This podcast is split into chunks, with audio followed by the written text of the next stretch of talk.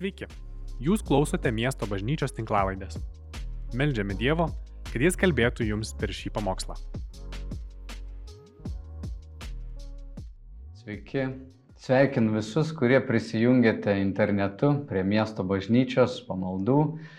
Ir taip pat noriu pasveikinti visus Vilniečius, kurie irgi renkatės. Ir tikiuosi, kad šių technologijų pagalba mes vis tiek galim išgyventi Dievo artumą ir Dievo žodis yra gyvas ir veiksmingas ir bet kuriuo atveju gali pasiekti mūsų protų, širdis ir perkeisti mus.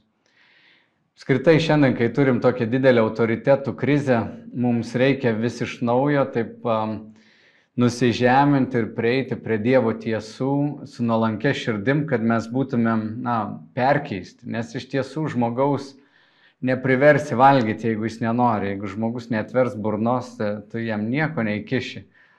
Ir prie Dievo žodžio mes prieinam, na, kaip paukščiukai, praveriam savo burną ir sakom, maitink mus, taip atveriam savo širdį ir sakom, Dieve pamokyk, Dieve norim savo įsitikinimus, matymą apie gyvenimą pritaikyti prie to, kas tu esi ir kaip tu matai pasaulį. Ir tikiuosi tokios korekcijos per šį mėnesį, naudingų išvalgų mums visiems, kalbant apie ryšį, apie santykius. Nes mūsų gyvenimo ta laimė arba sveikata nu, nu, nulėmė keletas dalykų. Ir ne, mums svarbu labai, kad mes turėtumėm sveiką kūną, kad mūsų visa nervinė sistema veiktų gerai, kad mes maitintumėmės, ilsėtumėmės gerai. Bet taip pat labai svarbu yra mūsų minčių pasaulis, ką mes mastom, kaip mes galvojam apie save, apie kitus. Na ir trečias dalykas, be galo svarbus yra santykiai. Tai va šį mėnesį, kalbėdami apie ryšį, norim kalbėti apie santykių ir visų pirma galbūt apie santykių tarp mūsų žmonių. Ir šioje pirmoje dalyje aš tiesiog noriu kalbėti apie skirtingus ryšio tipus arba kokiam santykiai galim būti. Antroji daly kalbėsime apie prieraišumą, kaip jis susiformuoja nuo mūsų vaikystės ir kaip jis paveikia mūsų visus likusius santykius su žmonėmis ir kaip jisai sunkiai keičiasi ir kiek reikia mūsų sąmoningų pastangų, kad tai, kas įvyko per pirmuosius 12 mėnesių, negadintų mūsų gyvenimo visą likusi na, laiką. Taip pat pakalbėsim trečioji daly apie santykių sugriuvimą ir apie įsižeidimus, įsiskaudinimus ir kokią žalą jie padaro ir kaip mūsų priešas naudoja visą tai. Ir paskutiniai daly kalbėsim apie bendruomeninį gyvenimą ir bendruomenės įtaką. Taigi didžiaja dalim mūsų kaip žmonių pasitenkinimas gyvenime priklauso nuo mūsų santykių kokybės su kitais. Koks yra tas mūsų ryšys? Kas yra apskritai ryšys? Ryšys tai yra, kai du žmonės yra viena šalia kito ir jie gali vienas kitą matyti, jausti ir priimti. Kai du žmonės jie dalinasi savo gyvenimu ir ta jų gyvenimo energija keliauja iš vienas kito ir praturtina vienas kitą. Ryšys yra Dievo dizainas, kad Dievas numatė žmogų. Žmogus nėra sukurtas gyventi vienas, jis negali funkcionuoti gerai vienas, jisai neišvengiamai yra susijęs su savo aplinka. Bet kokia tos aplinkos kokybė arba kokia yra sveikata, va čia yra didelis klausimas. Pačioj pradžioje mes skaitom, kad Dievas tarė, padarykime žmogų pagal mūsų atvaizdą ir panašumą. Jie te valdo jūros žuvis, padangių paukščius, gyvulius ir visą žemę bei visus roplius, kurie gyvena ant žemės. Ir Dievas sutvėrė žmogų pagal savo atvaizdą. Pagal Dievo atvaizdą sutvėrė jis jį, vyrą ir moterį sutvėrė jis. Ir Dievas matė visą, ką buvo padaręs ir tai buvo labai gerai. Buvo vakaras ir rytas šeštoji diena. Taigi Dievo kūrinijos kulminacija yra žmogaus sukūrimas. Ir Dievas kūrė žmogų pagal save. Dievas, kuris yra trivienis Dievas tobuloj vienybėje. Jėzus sakė, tėvas ir aš esame viena. Jisai siunčia šventąją dvasę į mūsų širdis, kad mes išgyventumėm tą vienybę su Dievu. Taigi visa, kas susilieja, kas susivienyje šventame rašte, yra šventa. Ir, ir mes matom Dievo kūrimą žmogaus, kuris būtų ryšyje su juo. Dievas išeina su Adomu, jis vaikščiais bendrauja ir mes matom tą gražų Edeno sodo paveikslą. Antrame skyriuje mes skaitom, kad vyras ir žmona, jie abu, žmogus ir jo žmona buvo nuogi, tačiau nesigėdėjo. Man tai vienas gražiausių paveikslų, toks trumpas sakinys, kad vyras ir žmona, jie stovi nuogi ir nesigėdė, tarp jų nebuvo paslapčių, nebuvo kaukių, jie vienas kitą matė, jautė, priėmė, tobula aplinka. Bet po to mes žinom, jie jau nuodėmė Ir jau trečiam skyriui mes matom, kaip vyras kaltina žmoną, žmona nepatenkinta irgi kalt, ateina kaltinimas, ateina gėda, ateina slapstimasis. Ir tai yra labiau panašu jau į mūsų tikrovę. Mes užaugam matydami barnius tarp savo tėvų, mes užaugam matydami išdavystės, nesustarimus ir visa kita. Tai yra jau mūsų tikrovės dalis. Bet tas originalusis, pirmasis planas buvo, kad Dievas nori matyti apskritai žmonės, kurie būtų tobulam ryšy vienas su kitu. Ir jiems nereiktų gėdytis, jie būtų atviri vienas prieš kitą. Kas man yra padėję taip įvertinti santykius ir vienas iš tokių, um, sakyt, gal paveikslų, kurio noriu su jumis šiandien pasidalinti, yra Henrio Klaudo toks labai supaprastintas paveikslas, bet jis, manau, labai efektyvus yra. Jis yra parašęs knygą kito gale Ir aš pamenu Henry Klaudą, kažkada klausiau jo e, paskaitą Čikagoje prieš gal šešis ar septynis metus, bet man tai labai įstrigo ir aš esu apie tai kalbėjęs prieš keturis metus, mes apie ryšį kalbėjom. Noriu su jumis pasidalinti e, tuo, ką jis mokė. Man tai yra naudingas paveikslas. Na, jeigu paimtumėm dabar mūsų planetą, mūsų pasaulį, kuriame mes esam, štai yra toks remelis, dėžė, vienu metu tu būsi visada kažkuriam iš tokių kampų. Ir čia yra keturi kampai. Vienas, du, trys ir keturi. Ir ką jisai kalba, sako, kad yra tokios kaip keturios ryšio uh, grupės arba vietos, kur mes galim būti. Uh, pirmasis kampas tai būtų uh, vieta, kur žmogus yra be ryšio. Jis neturi ryšio. Šiaip kai paimam kokį nors, tarkim, telefoną, gal lengviausia dabar įsivaizduoti, aš dažnai matau, mes atvažiuojame kokią naują vietą, kur nors polsiaujam su šeima, pirmas klausimas niekada bus pusryčiai, o koks Wi-Fi'us, kaip pasijungti. Tas e, instrumentas, mūsų telefonas yra sukurtas ryšiui, kai jis neturi ryšio prie pasaulio, jisai labai ribotas yra, beveik nelabai mums ir naudingas šiam, šiam laikė nes mes iš tiesų norim su kažkuo susijungti per šitą įrankį ar ne šitą e, daiktą. Ir žmogaus gyvenimas galim būtų mąstyti taip pat, mes esam sukurti ryšiui. Žmogus nuo gimimo, nuo pat vaikystės, jis ieško ryšio. Antroje dalyje šio pamokslo ciklo aš ir kalbėsiu, kas įvyksta per tuos pirmuosius mėnesius, kas vyksta mūsų smegenyse, kaip mes formuojamės, kaip tai stipru, kad vaikas jis nuolat ieško savo globėjų ryšio, savo rūpintojo mm, dėmesio, jis negali savimi pasirūpinti.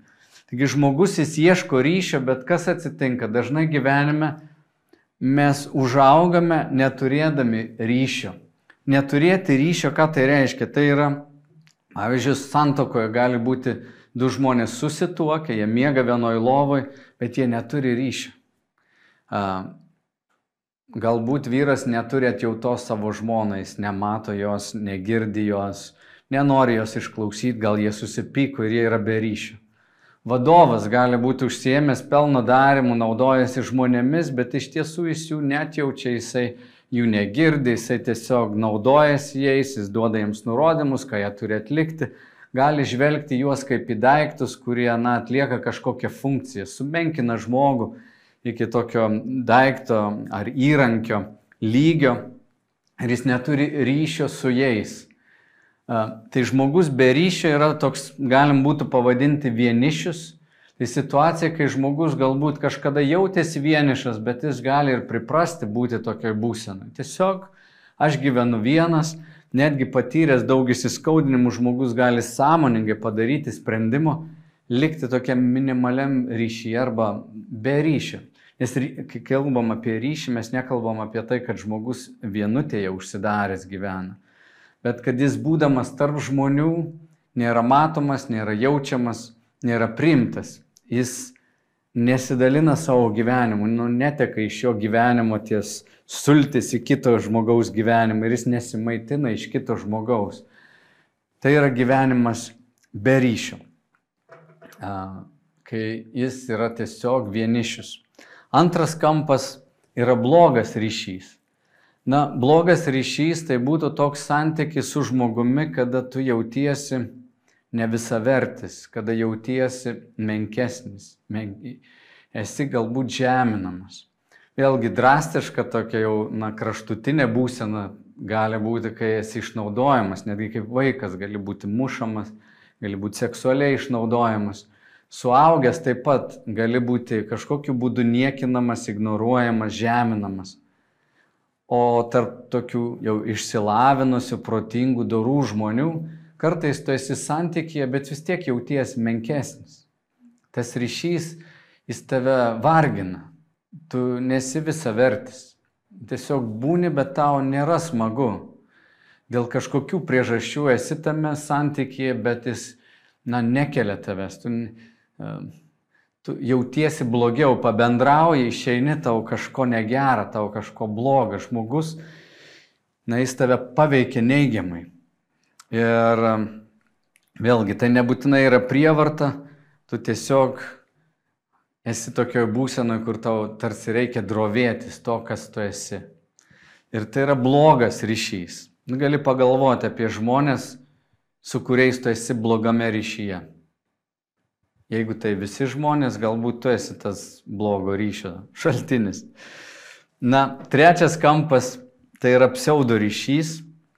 Ir tai yra santykiai, kuriuose tu, na, turi kažkiek tai apsimesti, tai yra netikras ryšys arba jisai nepatenkina tavęs iki galo. Pavyzdžiui, netikrų ryšių būtų galima pavadinti romantinius santykius, kada žmogus slapstosi nuo savo sutoktinio, užmesga romaną ir net kažkuriam laikui tai jį patenkina ir jam yra nuostabu, atrodo, wow, čia taip pirmą kartą jaučiuosi taip E, mylima. Pirmą kartą jaučiuosi tokia įvertinta, tokia saugi, tokia aprūpinta. Bet yra dar kita pusė, kad aš kažką slepiu, mano vaikai apie, apie tai nieko nežino. Aš tiesiog bandau užpildyti kažkokią skylę esančią manyje, kažkokią tuštumą viduje. Ir tas ryšys nėra iki galo geras, jis yra pseudo ryšys. Na, čia būtų galima į tą kategoriją arba į tą kampą tokį įdėti ir, na, kažkokias priklausomybės, netgi kažkok, kažkokiam kvaišalam. Kai žmogus nori tiesiog pabėgti nuo gyvenimo skausmo, jisai vartoja kvaišalus, kažkuria prasme jam pagerėja tuo metu, bet tik trumpam. Aš manau, kad į šitą kategoriją galėtų atsidurti ir na, šio laikinės tokios uh, troškimas turėti ryšį su kokiu nors serialo herojumi. Galbūt, nežinau, ar vyrams, ar moteriams vyrai gal žiūri teleką, e, pabūti tokioj tuščioj dėžutėje, kurie apie nieką negalvoja, tiesiog nusistresina ir jie gal gali per kanalus varyti ir tiesiog ilsisi kažkokiu būdu.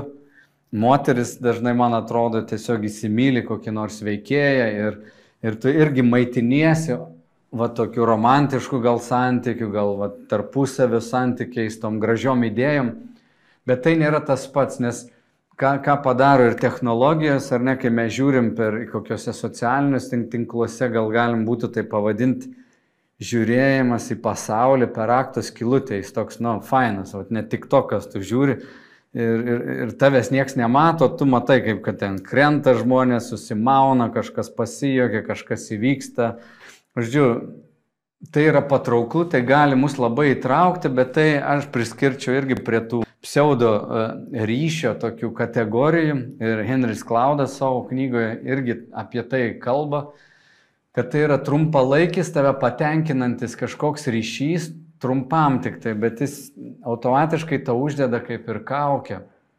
Tu nesi ten savas arba tu neturi to grįžtamojo ryšio, kurio tau reiktų, kad tu būtum pakeltas. Na ir ketvirtas kampas yra geras ryšys. Tai yra santykiai, kuriuose tu, na, klesti kaip žmogus. Tau nereikia apsimetinėti. Tu esi tiesiog savimi, be jokių kaukių. Tuose santykiuose pripažintas, tu gali pripažinti savo trūkumus, silpnybės, tu nebūsi nuteistas. Žodžiu, nėra jokio apsimetinėjimo. Tu pabendrauji ir jautiesi, kad tu pasisotinai. Pavyzdžiui, pabūni pokalbėje ir galvoju, kaip gera, kaip gera. Aš čia prieš keletą savaičių žmona man sako, gali važiuoti pasivaikščioti ir aš šeštadienio rytą išvažiavau į miestą. Anksti ryte melžiaus tokia malda, Dieve, kaip man sunku vienu klausimu, Dieve padėk, Dieve padėk. Ir taip neįprastai atvažiuoju į vieną kavinę ir ten sutinku, sutinku bičiulį, kurio nemačiau 14 ar 15 metų, gal daugiau net. Jis amerikietis, mes susitinkam, pradedam bendrauti Ir dvi valandas vyksta atviras, gilus pokalbis, jokio teisimo, jokio, jokio noro pamokyti, jokio noro pasirodyti, kad jis kietesnis ar aš ten kietesnis. Žinai, kaip būna, ką tu ten pasiekiai, kaip tau sekas ir tu toks gaunasi kartais lyginimasis. Tai čia va būtų toks tas blogas ryšys, bet mūsų sielos taip šiu, atsinaujino tas santykis, atrodo, mes išsikalbėjom, vienas kitą praturtinom ir taip, wow, čia geras ryšys nors trumpam. Bet turiu draugų, su kuriais bendrauti tiesiog mėla. Mes sakom, nu, trūksta, atrodo, laiko, trūksta erdvės mums daugiau apie, nu, pasikalbėti. Tai aš nebenoriu daugiau kalbėti galbūt apie tuos tris e, situacijas, kai nėra ryšio, ar blogas ryšys, ar pseudo ryšys, manau, jūs tai suprantat, tik gali įsivertinti vat, kiekvieną iš tų santykių. Ir aš labiau norėčiau pakalbėti apie tai, kas, kaip, kaip kurti tą tikrą, gerą ryšį. Ką duoda geras ryšys? Kas, kas jame yra, kokie elementai? Pirma, sakyčiau, tas ryšys tave pakilėja. Kai tu esi tame santykyje, tu būni įkvėptas tapti geresniu. Reiškia, žmogus tavim tiki, žmogus linki tau geriausio. Mes žiūrime mūsų viešpati Jėzų Kristų, jis pasirenka mokinius, kurie labai skirtingi, skirtingų įsitikinimų, tikrai nepasirinko jų pagal labai mielas jų asmenybės. Nes su jais konfliktavo, vienas iš jų išdavė jį. Bet Jėzus atėjo tarnauti, ne kad jam tarnautų, bet jis atėjo pasiaukoti, jis atėjo tarnauti. Tai geram ryšyje visada bus tas noras pakilėti kitą, tas kito centriškumas. Ir aš kai pagalvoju, kai Jėzus savo mokiniams ir šiaip minėtent susėdusi, klausosi jo, jis sako jiems, jūs esate pasaulio šviesa, jūs esate pasaulio druska. Tai tokie stiprus žodžiai, tokie vaizdiniai, kurie pakelia. Nežinau, kiek kartų vat, žmogus į tave yra pažiūrėjęs ir sako, aš tavim tikiu. Man atrodo, tu gali pasiekti tai, ką tu galvoji. Tai, ką tu svajoji, gal net daugiau, ko tu net nematai, galys padaryti. Aš manau, kad tu gali, tu gali, aš tavim tikiu. Tas geras ryšys tave pakilėja dar kitų būdų, intelektualiai labai tave skatina. Tavo, na, žvilgsnis į pasaulį prasiplečia. Man labai patinka, kaip Klaivas Teiplas Liujisas sako, kad draugai yra tie, kurie mato tą pačią kryptimį, jie mato pasaulį panašiai, bet jų, na, tas spektras turbūt irgi vieno yra vienoje pusėje, kito kitoje, kažkur jis persipina, bet jis praplečia tavo žvilgsnį.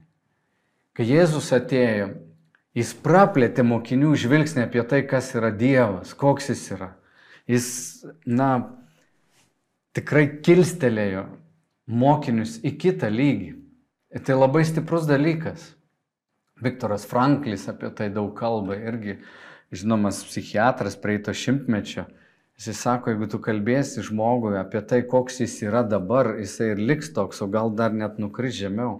Bet jeigu tu kalbėsi žmogui apie tai, koks jis gali būti, matysi jo potencialą, jis pakils iki tavo to, na, tavo to tikimosi lygių. Ir tai didelė gale. Kartais mes galvojam, kad galim save pakelti, kaip Münchhausenas, pasičiupti save už, už, už sprando, taip už apykaklės ir, žinai, ištemti save iš kažkokios, iš liūno. Bet Dievas mus sukūrė tam santykiui, kad kitas žmogus atėjęs, patikėjęs tavimi, jis tave kilstels. Jis, tas vad geras santykis, geras ryšys, jis tave stipriai kilstels į viršų. Antras dalykas, geras ryšys arba geri santykiai duoda tau laisvę ir duoda tau grįžtamą į ryšį. Laisvę. Blogas ryšys visada uzurpuos tavo autonomiją. Geras ryšys priešingai, jisai suteiks tau laisvę daryti klaidas, suteiks tau laisvę nuspręsti pačiam, bet duos grįžtamą į ryšį. Žiūrėkit, Jėzus mokiniams sako, eikit dabar, išvarykit demonus, gydykit ligonius, prikelkit numirusius, dovanai gavo, dovanai dovanokit.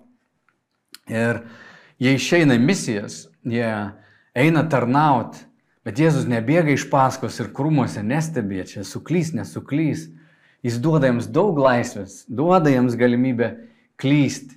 Kai jie grįžta ir jie sako, mums sekėsi taip, o čia kaip faina, mes dabar jau tokie kieti, Jėzus sako, ir jo grįžtamasis ryšys yra gerai atlikta, jūs džiaugiatės, bet dar labiau džiaukitės, kad jūsų vardai yra įrašyti dangaus knygose. Ir jis nuolat pamoko, jis duoda jiems laisvę, eikit darykit, bet paskui ateina, duoda grįžtamą į tokį ryšį. Ir grįžtamasis ryšys, kuris leidžia tau pačiam išspręsti problemas, yra pats naudingiausias. Grįžtamasis ryšys, kur tas patar, pare, pataria, e, patariantysis už tave kažką nusprendžia ir sako, būtinai turi dabar šitą ir šitą ir šitą padaryti, na, nesukurs tokios laisvės tau pačiam aukti. Bet geras ryšys, vat, geras santykis, geras draugas, jis duoda tau laisvės, rinkis, judėk. Bet aš tau noriu tiesą pasakyti, kaip man atrodo iš šono. Štai kaip tau sekėsi, šiek pabandyk gal taip. Trečias dalykas, jis padeda tau priimti nesėkmes ir pakilti po patirtų pralaimėjimų. Iš tikrųjų, kuo dažniau mes pažįstam savo klaidas, tuo stipresnis bus mūsų mokymosi uh, noras mokytis.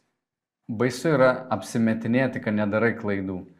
Jeigu kas nors tave gėdina dėl tavo klaidų, tu nustoji mokytis, nes nenori būti pašieptas, pajoktas bet gerame santykėje, ne gerame ryšyje, kai tu suklysti, kaip krikščionys mes sakom, tai būtų, na, tavo išpažinties bendruomenė.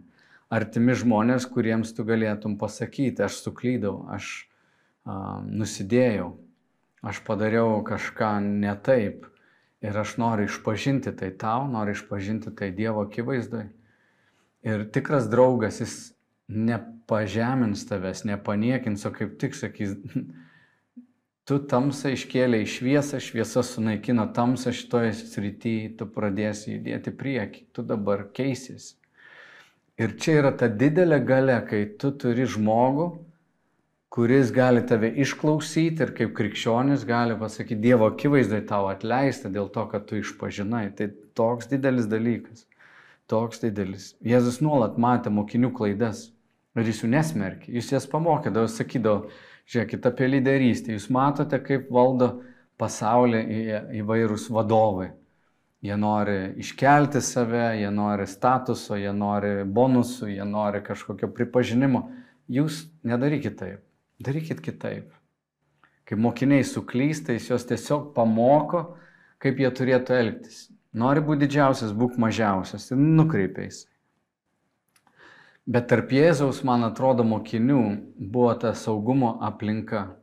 Jėzus sukurdavo dėl savo nesmerkimo tokią aplinką, kur nusidėlė ateidavo pabūti šalia jo. Nes ten nebuvo pasmerkimo.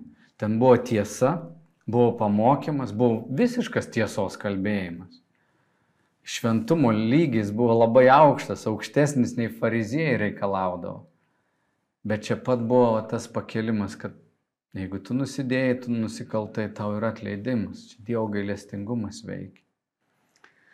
Tai čia trečias dalykas, kad geram ryšy tu patirsi tą pakelimą po nukritimo, jis tai tavęs ne, nežemins. Ir ketvirtas dalykas - labai stipri gale, kurią turi mūsų draugai, mūsų na, bičiuliai, su kuriais esame geri, gerame ryšyje, tai yra, kad mes perimam iš jų vertybės ir elgseną. Nori pasikeisti, būk šalia to žmogaus, kuris jau yra pasikeitęs. Nori išmokti melsis, būk arčiau tų, kurie melžiasi nori teisingai gyventi, kažkaip sveikai gyventi, maitinti sveikai, na, leis daugiau laiko bendrauk su tais, kurie sveikai maitinasi. Bet negalim sumenkinti tos galios, kurią turi kitas žmogus. Ta sena lietuviška tokia patarlė, pasakyk man, kas tavo draugai, pasakysiu, kas tu, yra teisinga, nes mums aplinkiniai daro didžiulę įtaką paaugliai, kurie eina per savo tokią, na, asmenybės formavimuose laikotarpį, ar ne, jie, jiems įtaką daro tiek šalia kurių jie yra. Aš pamenu vieno tokio pastoriaus Amerikoje, paklausiau, sakau, tavo vaikai tokie nuostabus. Sakau, ką tu ten taip darai, kad aš, tokių vaikų nesu matęs. Jis sako, nieko mes nedarėm, tiesiog pasisekė, kad jie su gerais draugais susidėjo, kai buvo jauni. Draugai padarė įtaką, jie viens kitą skatina. Tai vad geras ryšys turi tokią galę mums padaryti įtaką. Geras ryšys. Ir gerą draugystę, gerus santykius turime branginti, už juos turim pakovoti. Tai vad klausimas, kaip pasirinkti gerą draugą. Keli geri klausimai tau gali padėti. Henris Klaudas mini tokius penkis klausimus. Sako, pirmą, ar tas žmogus supranta, kas tau svarbu? Ar jis supranta, kas tau yra svarbu? Kita, ar jis nori geriausio dėl tavęs? Trečia, ar galim jo pasitikėti? Ketvirtas, sako, koks jo būdas arba charakteris, ar jis yra patikimas? Ir penkta, kokia yra jūsų bendra patirtis? Jeigu ten kažkas buvo na, praeitį blogai, na, yra tikimybės, kad bus blogai ir ateityje. Tai va šitie klausimai yra labai geri. Kai tu prieini prie kažkokios draugystės, gali užduoti savo tą klausimą, ar šitas žmogus nori man geriausia. Kai tu būsi blogam ryšy, tau labai bus aišku, tas žmogus nepatikimas, jis tikrai nenori man geriausio. Jis e, nesupranta manęs, jis nežino, kas man svarbu. Jis stumia savo kažkokius reikalus, jis stumia savo uh, planus ir aš jam nesu toks svarbus. Na žiūrėkit, mes visi tokioje situacijoje sakom, va, tokio draugo ir aš noriu, labai dažnai susiduriu. Bažnyčioje mes ateinam ir galvom, na kur tas draugas toks, na kur, kur čia tas nuostabusis, kuris mane mylės, pakels, e, užjaus, matys mane, kai iškrisiu pakels mane, kurio vertybės galiu kopijuoti. Čia blogas prieimas. Iš tikrųjų, mes turėtum užduoti ne tokį klausimą, kur tas žmogus, kurio man reikia, o kaip man tapti tuo žmogumi, su kuriuo norėtų kiti būti. Štai šventame rašte yra a, tokia patarlė, ne? Patarlė 18.24. Kas nori turėti draugų, turi pats būti draugiškas. Būna draugų artimesnių už brolį. Taigi klausimas nėra, kaip rasti tokį asmenį, klausimas yra, kaip tapti tokiu asmeniu. Kaip tapti tuo, kuris domisi kitų žmogumi. E, domisi juo ir nori suprasti, kas jam yra svarbu. Ir tai jau yra sprendimas, kurį tu ir aš galim daryti, kai mes ateinam į santyki ir mes kalbam apie triadas. Man atrodo, tai na, puikus toks būdas turėti draugystę, kurioje yra reguliarumas, dažnumas, nes be to gylio netrasi. Ir aš kviečiu bendruomenę mūsų visus susirask savo bičiulius. Du, tris, kad jūs būtumėte ar trysia, ar keturiesi, mes vadinam tai triadą, bet gali būti ir keturi. E, tai yra nedidelis ratelis žmonių, su kuriais tu gali būti artimas, kurie laikysis konfidencialumo, kurie, na, neišduos tavęs, kur tu privalėsi pats keistis, jie darys tau įtaką, tu darys, darysi jiems įtaką. Bet eidamas į tą santykį negali eiti taip, na, aš pažiūrėjęs, ar iš čia labai manim rūpinsis dabar, ar jis čia mane mylės, ar manęs išklausys. Taip, tai yra svarbus klausimai, bet tu pats turi pagalvoti, ar aš noriu dabar paskirti savo gyvenimą, kad man jo interesai būtų svarbus. Jo norai taptų man svarbus. Kad aš norėčiau geriausio dėl jo pagalvoti, kaip jam sekasi. Kaip jam darbė sekas, kaip jam šeimoje sekas, gal jam reikia pagalbos kaip aš galiu prisidėti prie jo dvasinio gerbuvio. Ir tai yra jau sąmoningas toks sprendimas, ką mes galim na, nuspręsti daryti. Štai Jonas Kalvinas prieš 500 metų sakė, be galo sunku siekti artimo pažangos, jei neatsisakai visų savanaudiškų ketinimų ir veik nepamiršti savęs. Kaip tu gali atlikti savo pareigas Pauliaus vadinamos meilės darbais, jei neatsižadi savęs ir visiškai pasišventi kitiems? Manau, tai yra vienas pagrindinių tokių raktų į praturtintą gyvenimą, kada mes sąmoningai nusprendžiam būti tokiais. Ir šventas raštas nesako, ieškokit tų, kurie jūs mylės. Nesako, mylėkit.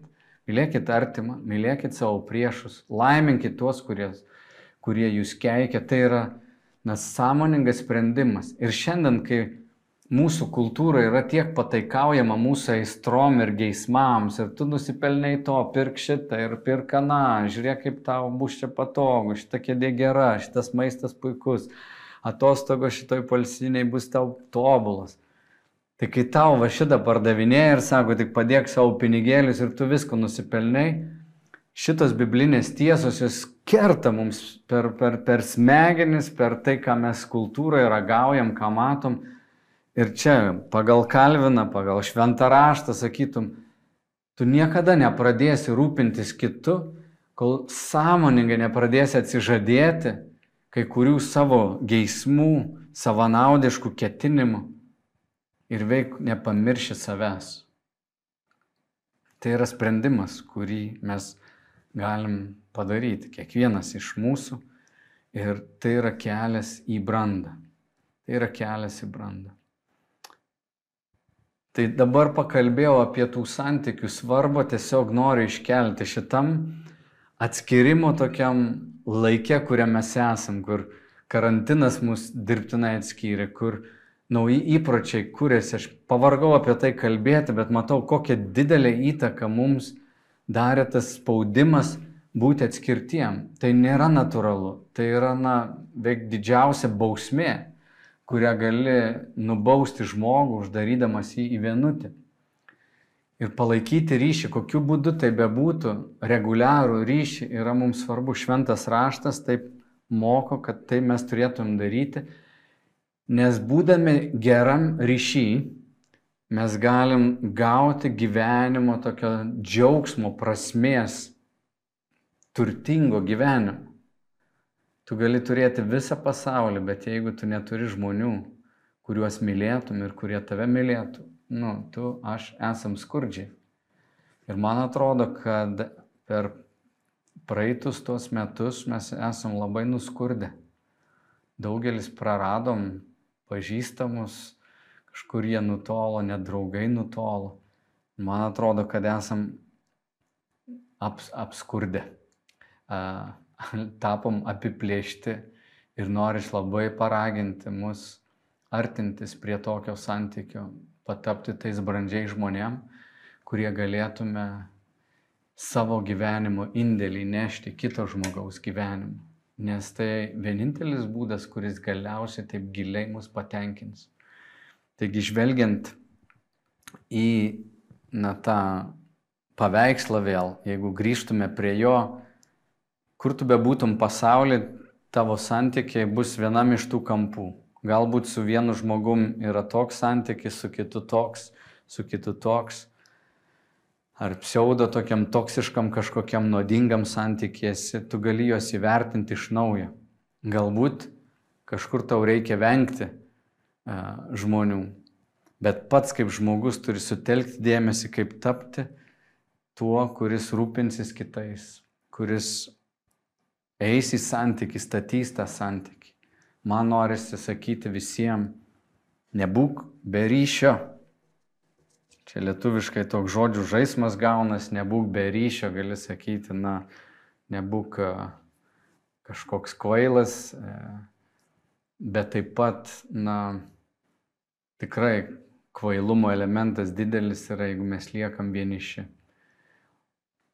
Ir noriu, kad tu išgirstum tuos žodžius ne kaip kažkokį nuosprendį, gal tikrai tavo gyvenimas buvo giliai sužalotas nuo pat vaikystės, gal tu turėjai ar ten verslo partnerių, ar draugų, klasiokų, gal patyrėjai pašaipas ir augai. Tai aš noriu tau pasakyti, kad tikrai Dievas yra labai maloningas. Ir net ten, kur mūsų žaizdos buvo, kur buvo mūsų, um, na, gilios, gilios E, skausmo vietos Dievas kartais tai išgydo ir padaro mūsų stiprybėmis. Na, kitoj daly kalbėsim apie tai, kaip mums tai daryti, apie, apie tą mūsų ir smegenų veiklą ir kaip mūsų visai, visi hormonai veikia mūsų kūną. Visa tai yra, na, bibliška, mes galim žvelgti mūsų sandarą ir turėti daug vilties, kad kokie be būtų tavo sužeisti santykiai, gal tu esi labai vienišas ir nutolęs, viešpats gali išgydyti tave ir jis gali tave į, įvesti naujus santykius. Aš kviečiu tave surizikuoti, kviečiu tave žengti žingsnius, pradedant pačiam nuo savęs, tapti kitokiu žmogum, pradėti statyti kitus į pirmą vietą. Ir, ir viešpats tikrai per, ne, ne iš karto, ne per dieną, ne per mėnesį, Bet laikui bėgant keičia mus, keičia mus, jis labai kantrus, labai maloningas, labai geras mums yra. Ir aš viltingai žiūriu į žmonės, kurie buvo sužeisti ir užauga. Tik būk kantrus, žinok, kad viešpats yra tau gailestingas. O bažnyčia te tampa ta vieta, kur mes nesišaipom, nesijokiam viens iš kito, bet pakeliam, sugebam atleisti. Viešpats mums davė daug įrankių, kad mes galėtumėm eiti į gilę sveikatą. Ačiū, kad klausėte. Daugiau informacijos rasite mūsų svetainėje miestobažnyčia.lt arba Facebook, Instagram ir YouTube paskiruose.